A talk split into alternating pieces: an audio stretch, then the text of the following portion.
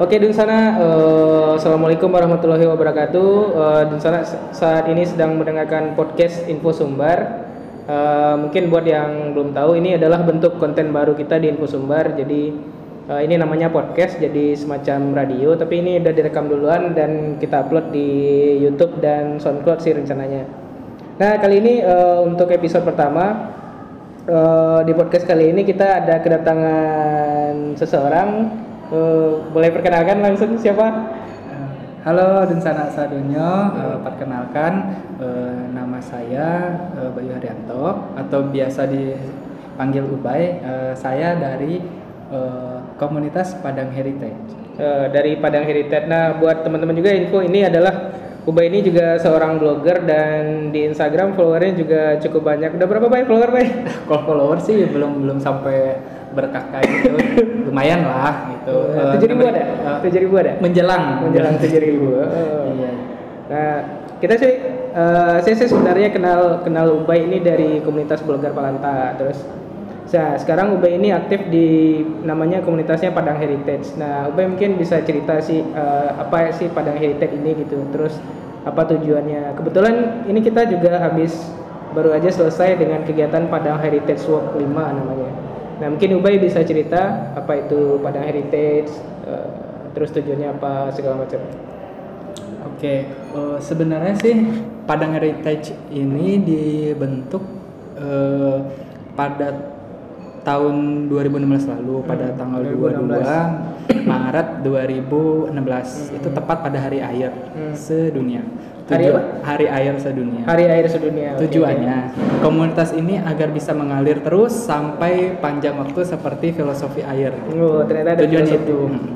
Itu yeah. lahirnya. Hmm. Cuman seiring berjalannya waktu, uh, sayangnya tidak mengalami ada kegiatan gitu, tidak membuat kegiatan. Oh, hanya jadi, hanya kita buat dulu buat komunitas tapi kegiatannya komunitas, belum ada. Komunitas uh, kegiatan belum ada. Hmm uh, kita ini awalnya berbasisnya berbasisnya via Instagram, mm-hmm. memperkenalkan Kota Tua Padang uh, via Instagram, hmm. namanya Padang at Padang Heritage. Hmm. Nah kemudian kegiatan pertamanya itu di awal Januari, hmm. uh, di Jawa, awal Januari kita mengadakan keliling. Waktu itu namanya dikenal dengan namanya Padang Heritage Walk yang pertama. Nah, kemudian yang kedua, ketiga, keempat, kelima, yang hmm. baru sekarang udah selesai gitu, udah kegiatannya.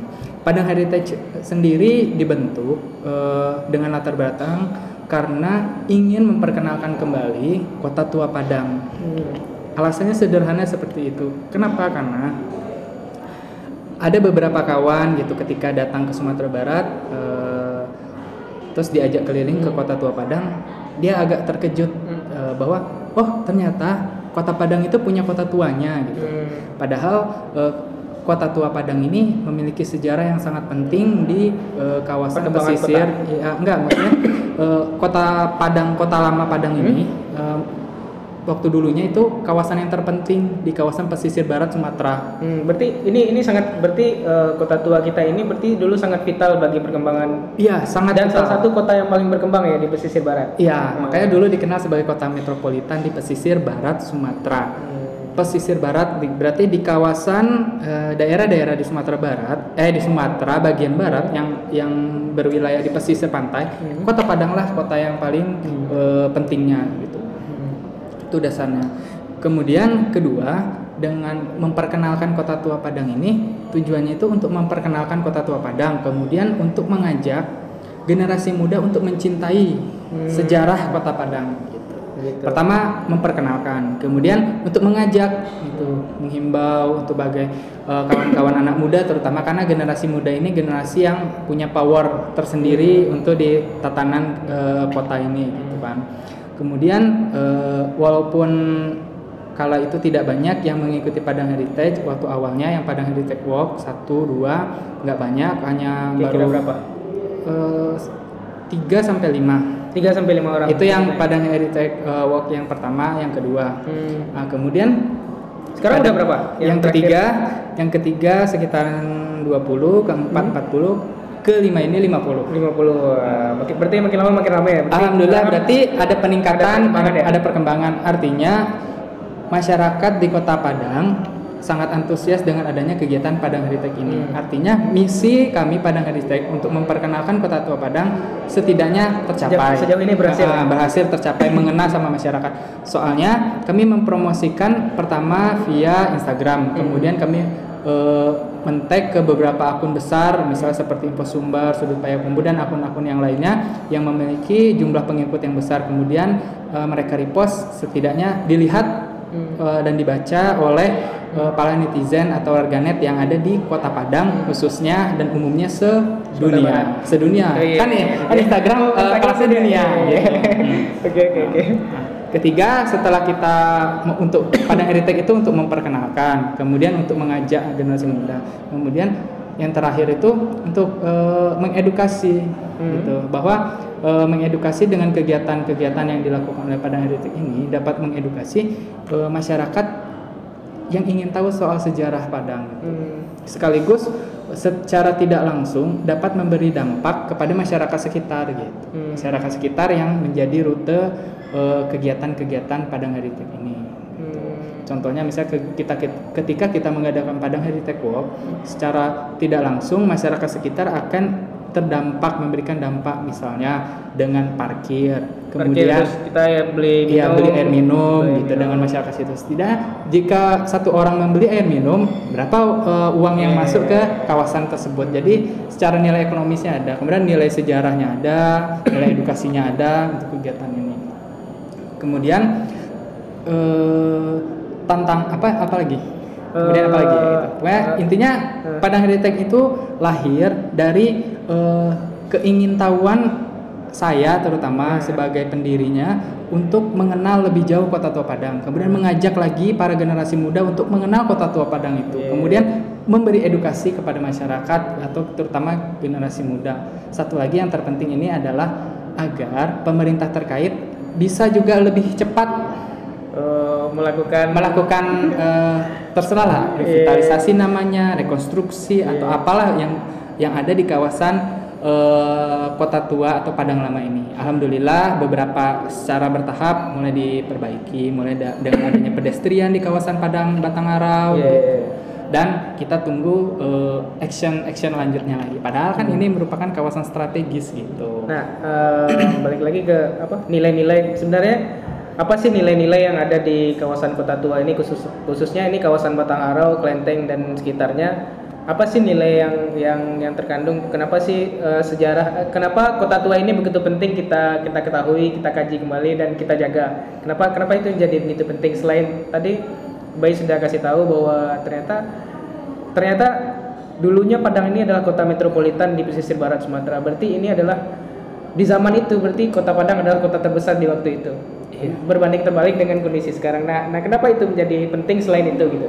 Karena apalagi gitu. eh, pertama karena kita kan ada pepatah jangan eh, apa kita tidak boleh melupakan sejarah Hmm. gitu. Bangsa yang besar adalah bangsa Hmm. yang tidak pernah melupakan Hmm. sejarahnya gitu.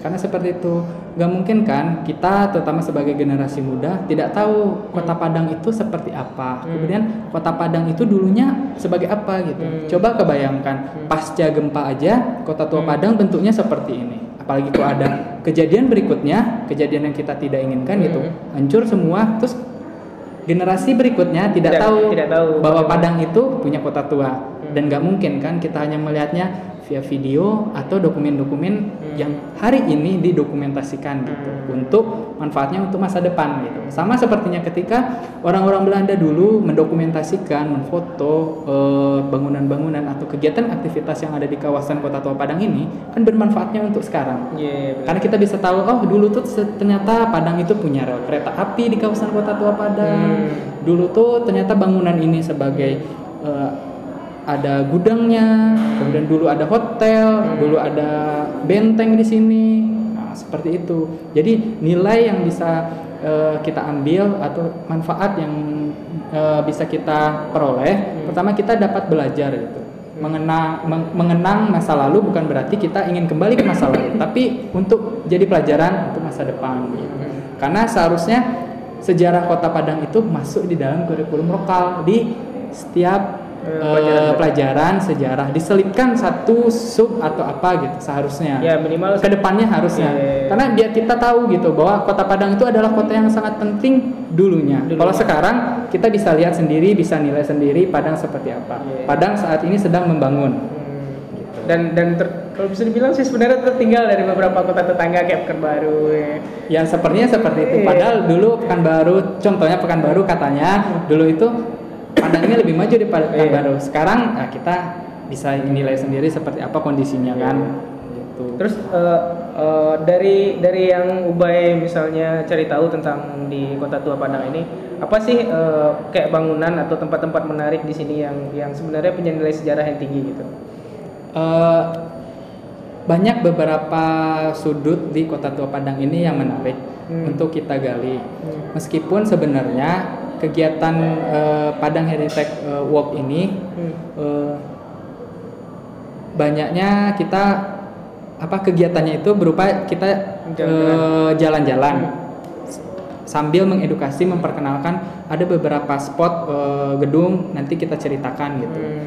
Yang menjadi permasalahannya sekarang adalah literatur mengenai manfaat eh, dulunya gedungnya seperti apa, terus eh, detail-detail gedungnya seperti apa, tahun dan lainnya itu sangat minim literaturnya. Iya, makanya hanya beberapa bangunan yang untungnya ada Ceritanya. prestasinya, ada ceritanya, ada gambarnya, ada fotonya yang bisa kita eh, combine untuk saat ini, Hmm. yang zaman dulu sama zaman sekarang. Hmm. Gitu. Nah, beberapa contoh misalnya? Contohnya misalnya kayak gedung uh, Hmm. itu merupakan dulunya sebagai eh, salah satu perusahaan lima perusahaan besar di dulu di Kota Padang dia pernah membuka cabang di sini. Hmm. Ada perusahaan lima perusahaan besar Belanda membuka cabang di sini salah satunya Gioweri, satu lagi ada GWRI yang gedungnya di dekat di bawah jembatan Siti Nurbaya yang, Iya. yang mencolok dan ikonik itu ya. Ya, Nah, itu salah satu kalau saya sendiri menilainya itu adalah salah satu gedung tercantik di eh, Kota Tua Kota Padang. Tua. Dan itu sangat fotogenik untuk kita foto. Hmm. Coba kalau itu dikelola dengan Hmm. itu dikelola dengan baik, di maksudnya diperbaharui gitu Hmm. tampilannya Hmm. mungkin sangat cantik gitu. Hmm. Belum aja dia diperbaharui udah banyak orang yang mengabadikan gambar di situ kan. Nah selain eh, bangunan-bangunan berciri khas Belanda, eh, apalagi misalnya yang yang ada di Kota Padang kayaknya.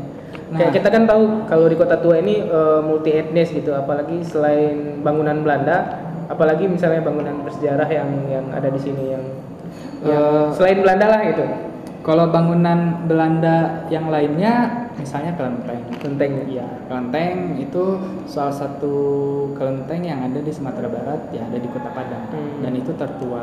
Dan itu tertua ya. Iya, tertua di Sumatera Barat. Gak ada lagi kelenteng kan? Kalau kita lihat di daerah lain nggak ada kan? Hmm. Di Sumatera Barat ini, maksudnya di kawasan Sumatera Barat nggak ada kelenteng yang yang ada hanya di Di, di Kota, Tua.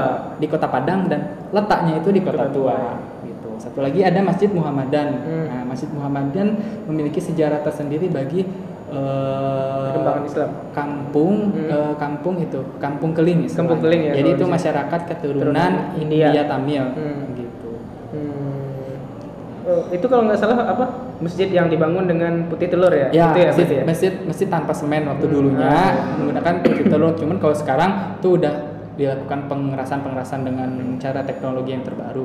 Dan itu salah satu eh, bangunan cagar budaya yang sangat penting juga untuk perkembangan Islam waktu itu di, di, di kawasan tersebut. Itu berada di kawasan eh, Jalan Batipu. Ya, Jalan Batipu. Dan itu eh, masyarakat etnis India itu juga kalau Dun sana tahu itu juga memiliki apa namanya eh, tradisi tersendiri. Mereka juga punya apa? Punya apa ya namanya? Kayak semacam festival. Festivalnya gitu namanya Festival Seragulo. Nah, di Festival Seragulo itu mereka eh, naik ke atap ke atap masjid itu, terus eh, mereka membawa eh, bungkusan gula yang udah dibungkus dengan kain perca berwarna-warni. Nah, nanti itu dilempar ke ke warga yang ada di bawahnya dan itu seru. Kalau mau datang itu diadakan setiap bulan apa kemarin? tiga bulan sebelum Tiga bulan apa? se- tiga bulan sebelum kalau nggak salah kalau nggak salah sih tiga bulan sebelum eh, tahun baru Islam Ah ya tiga bulan sebelum tahun baru Islam. gitu. Kalau nggak salah itu ya. Iya, kalau nggak salah itu. Nanti- saya lupa. Iya. Bisa bisa dilihat nanti di di di internet sih banyak itunya informasinya. Nah satu lagi waktu tahun kemarin saya Hmm. hmm. tahun kemarin dihadiri langsung oleh wali kota Padang kota.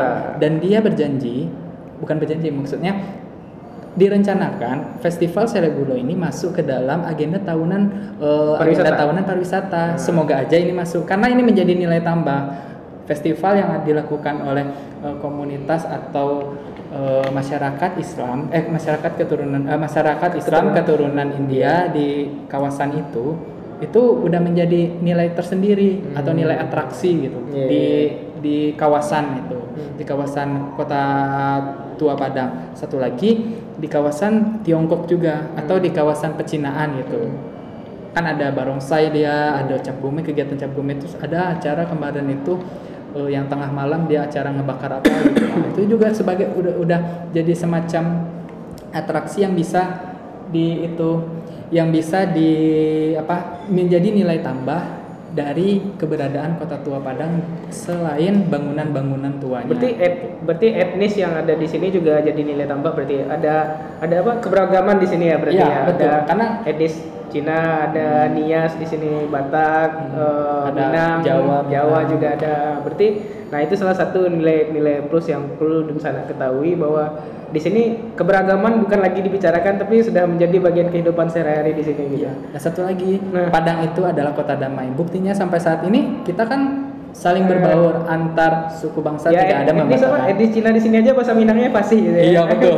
Bahkan saya aja nggak nggak nggak begitu fasih untuk menggunakan Eh, bahasa Minang gitu kan. Itu artinya Padang ini memang memang eh, Unik kota ya? yang unik, Unik ya? oh, kota yang menarik dan berpotensinya banyak gitu.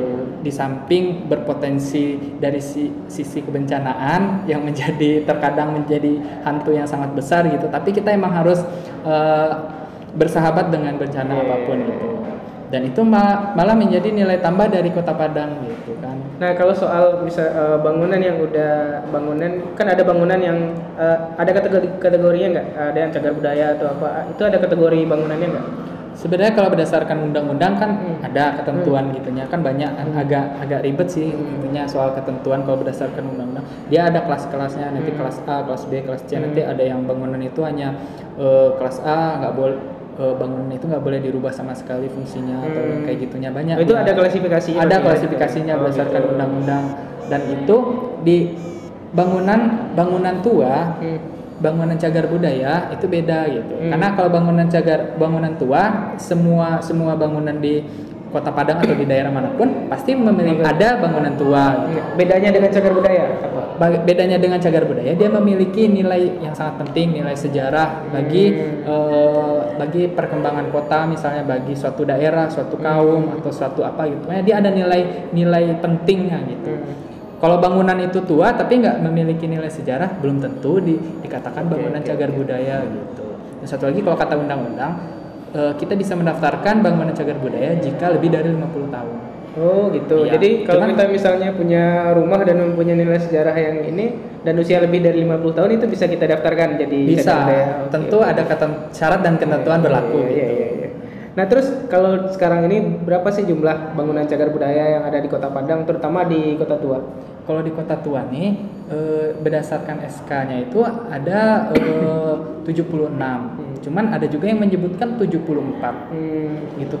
Cuman Kalau dari data-data ini Badan Pelestarian Cagar Budaya ada berapa? 80 lebih. 80 lebih. Ya, itu ada beberapa yang baru yang yang belum di SK-kan. Belum di SK kan? Iya. Kalau Nah, data kemarin kan dapat juga data dari eh, Balai Pelestarian Cagar Budaya Batu Sangkar ada Hmm. lebih dari 70 hampir 80 gitu. ham- hampir 80. Iya, hampir 80-an. Hmm. Cuman Dan itu, itu belum di SK-kan. belum di SK kan terus ada nggak bangunannya yang apakah itu bangunannya masih ada semua sampai saat ini? Ada beberapa bangunan yang sudah hilang, Hmm. ada yang eh, bangunan itu ganti baru em- dan ada lagi yang belum dihapuskan gitu. Itu tuh masih Oh, masih ada gitu. Gitu gitu gitu gitu. Oke oke oke. Eh, Cuman eh, SK dari itunya ada, cuman sosialisasinya mungkin agak sosialisasinya atau apa orang mem- eh, mendapatkan data itu mungkin agak terbatas gitu. Hmm. Makanya kan eh, untuk mencari literatur sejarah kota tua Padang, kota Padang dan bangunan-bangunan tua Padang ini sangat terbatas gitu. Semoga dengan adanya Padang Heritage ini eh Padang Heritage ini menjadi media informasi mengenai sejarah kota tua Padang Nah, itu. nah, gitu. kembali ke Padang Heritage mungkin sejauh ini eh, berapa orang sih yang terlibat di Padang Heritage untuk bikin event gitu? Kalau setiap bikin event eh, dari mulai pra, perancangan hingga actionnya kepala araknya ya cuma satu gitu. Buat sendiri. Iya, buat sendiri. Eh, minta tolong paling minta tolong beberapa teman. Iya.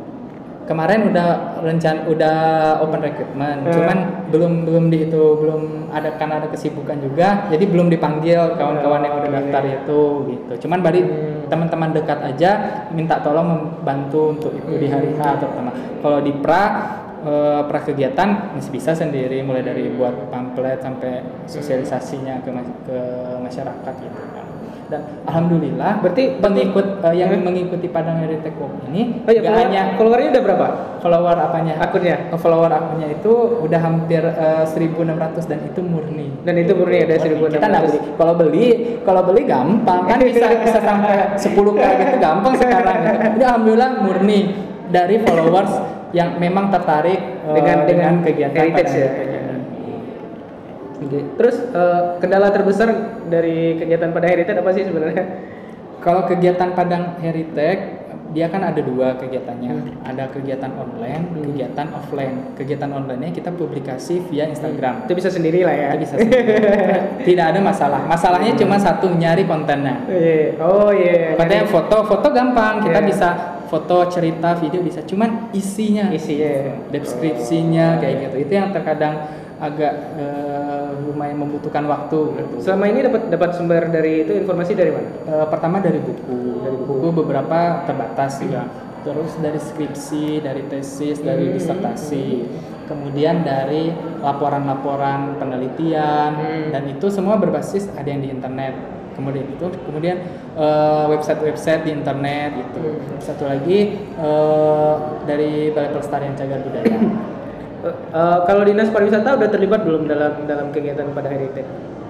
Eh, untuk saat ini eh, belum Harusnya harusnya terlibat ya. Ya, kami sih secara secara pribadi pengen sih kepa- eh, ada apa namanya dari dinas terkait untuk ikut melihat seperti apa gitu antusiasme masyarakat tentang eh, kehadiran bukan hanya kehadiran Padang Heritage tapi dengan Kota Tua Padang ini. Dengan banyaknya peserta Padang Heritage Walk misalnya eh, bisa menunjukkan bahwa masyarakat itu butuh informasi Hmm. butuh tempat uh, butuh uh, sarana-sarana uh, edukasi yang memang kekinian gitu Hmm, iya. karena uh, ngejelajah kota tua itu tuh udah banyak dilakukan di beberapa kota Hmm. termasuk kayak di Jakarta di Bandung juga ada kayak gitu tur-tur tur kota tua gitu Hmm. dan kenapa kota Padang tidak membuat seperti itu Nah, makanya dengan adanya Padang Heritage kita ingin menjadi menjadi itulah memperkenalkan itu dengan namanya Padang Heritage Walk.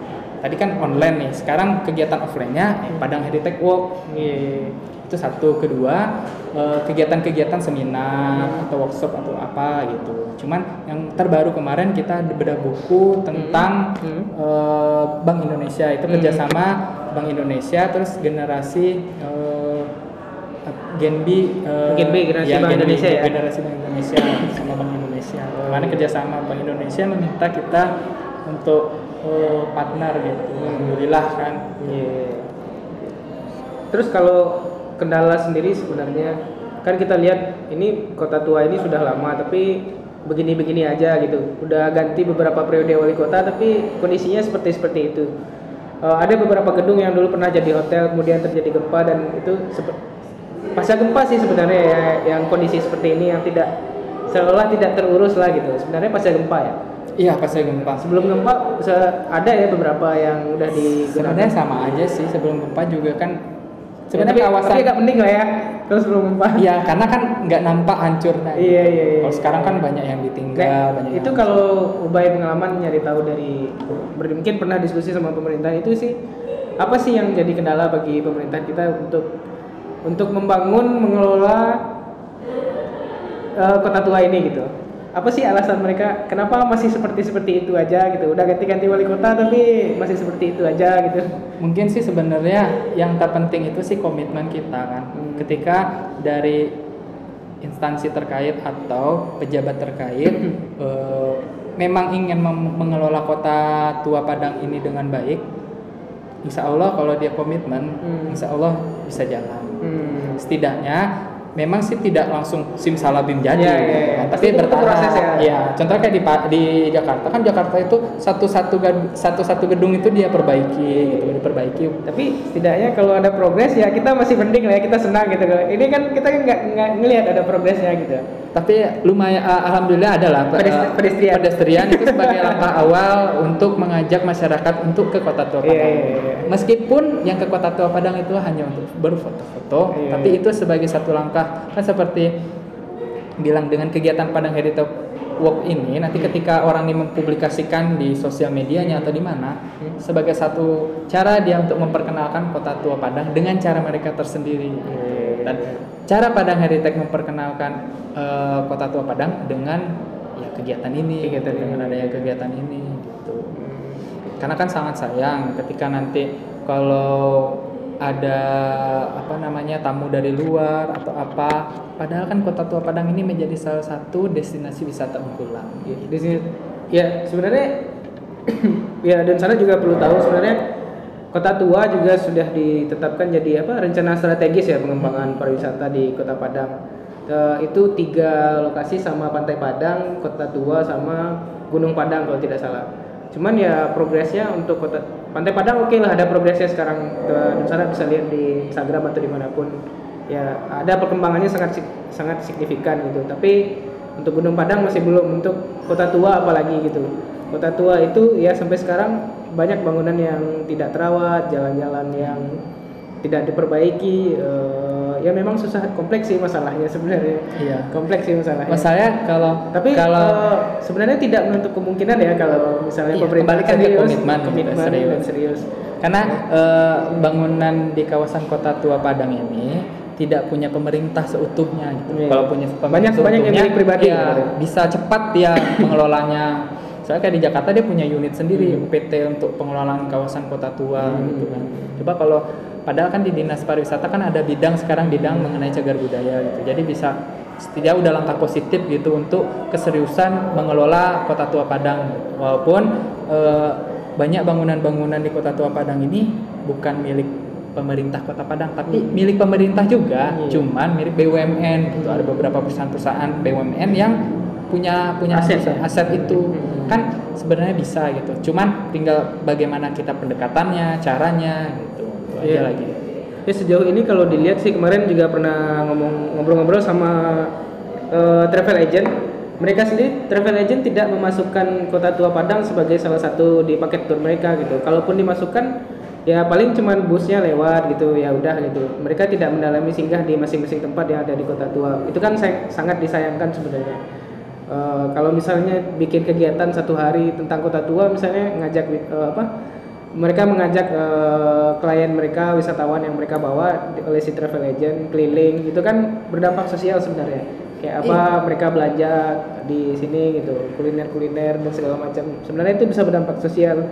Tapi ya karena mungkin kota tuanya sendiri belum ini kan belum bagus ya si travel agent tentu tidak mau membawa membawa tamu mereka ke sini Eh, kalau Ubay sih apa sih harapannya Eh, pertama harapan untuk pada heritage apa gitu Harapan untuk Padang Heritage pertama uh, Ubay sendiri mengajak eh, kepada butuh butuh tambahan orang nggak sih untuk Ya itu makanya mengajak kepada sanak sadonyo Hmm. bagi yang ingin bergabung menjadi anggota gitu. Hmm. menjadi anggota Padang Heritage eh, sangat sekali dibutuhkan misalnya untuk dari divisi pengembangan Hmm.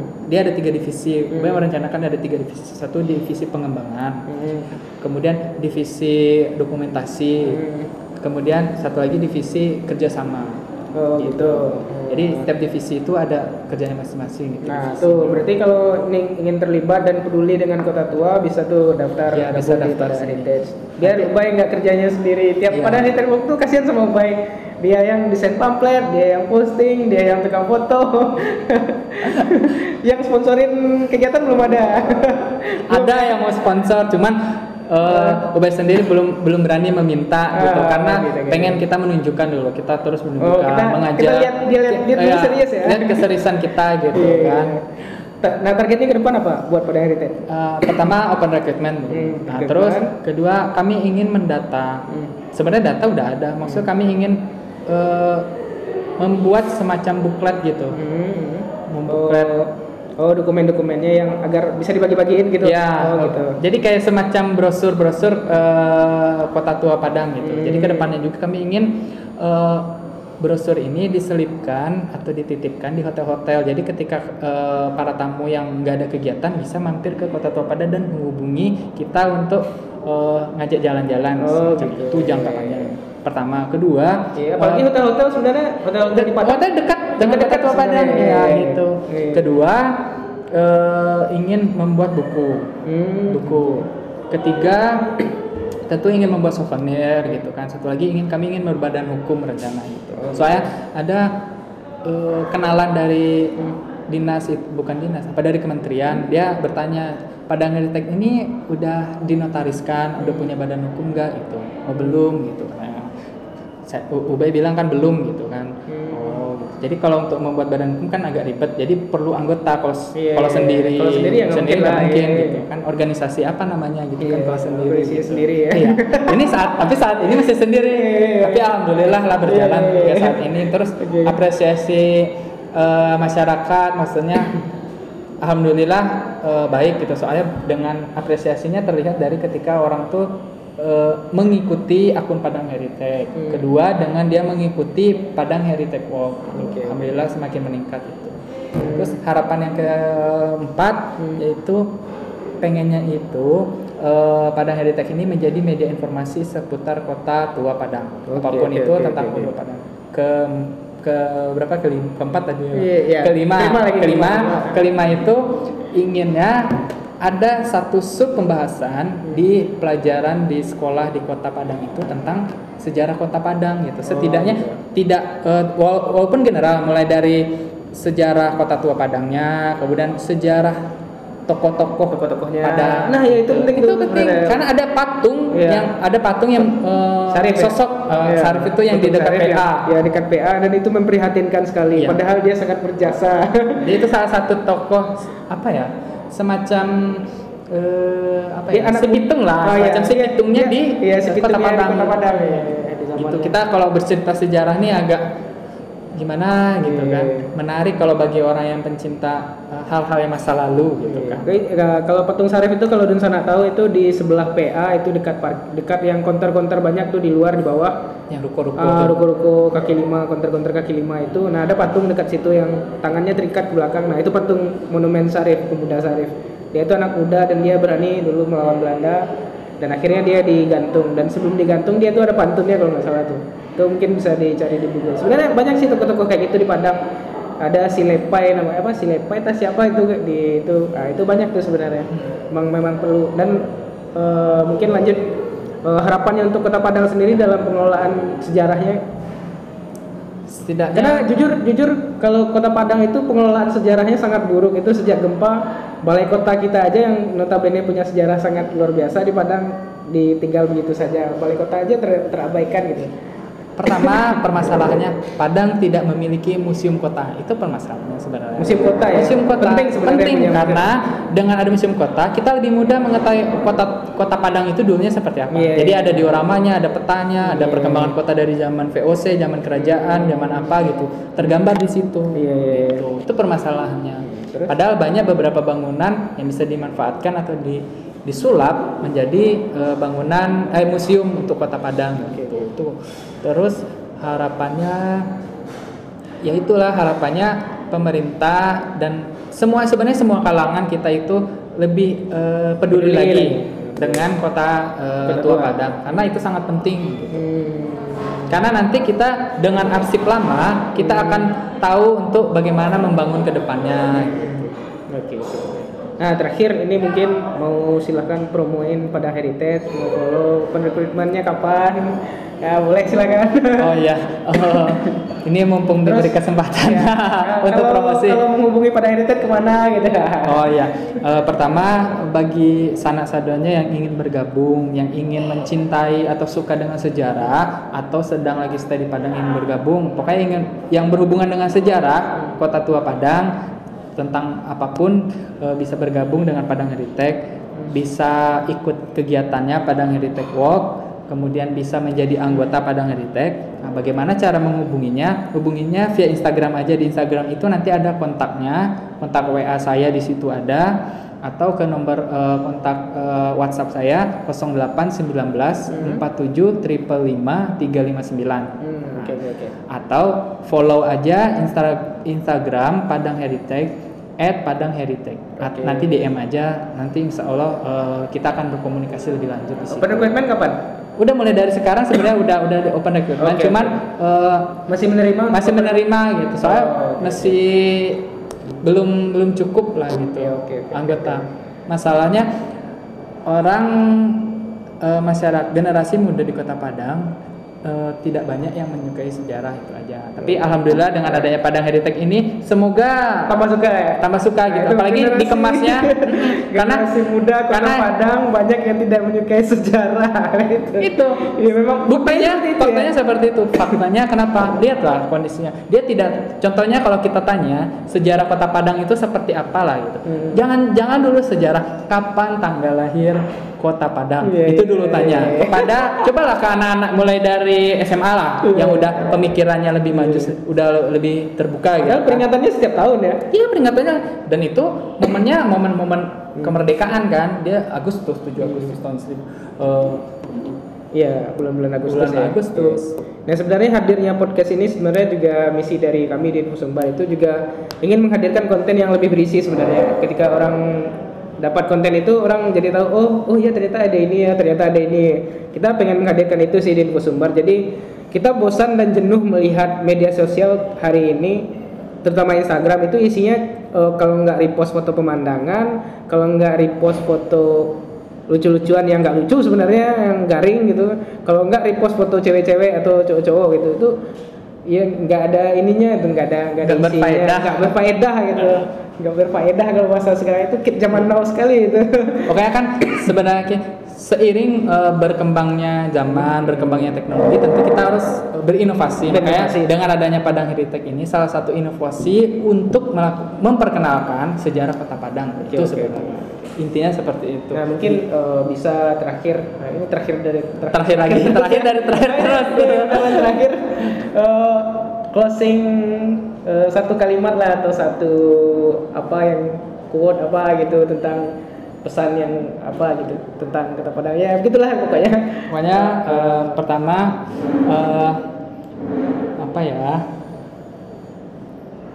apa gitu uh, kayak intinya kita sebagai generasi muda harus lebih mencintai uh, kota kita sendiri gitu. Okay. Kalau bukan kita siapa, siapa lagi? lagi? Nah, itu pertama. Kedua, mari uh, ikut terus kegiatan pada uh, Padang Heritage walaupun di Instagram atau pada Heritage Walk karena uh, dengan kegiatan itu kita dapat mengenal lebih lebih dekat kota tua Padang okay. karena kan menjelajah menjelajah itu tidak melulu ke alam. Nah, menjelajah itu tidak melulu ke alam. Sip, sip. Oke, okay, terima kasih Ubay dan terima kasih sudah rela menjadi korban podcast Info Sumbar untuk edisi pertama. uh, terima kasih atas waktunya dan mungkin Sampai jumpa di edisi podcast selanjutnya. Mungkin ini akan kita jadwalkan setiap satu kali seminggu kita usahakan. Jadi ada tamunya terus di uh, dan sana info sumber itu uh, bisa mendapatkan sesuatu dari konten ini. Bisa menambah pengetahuan, ada dapat sesuatu yang baru, perspektif yang baru gitu. Sampai jumpa dan assalamualaikum warahmatullahi wabarakatuh.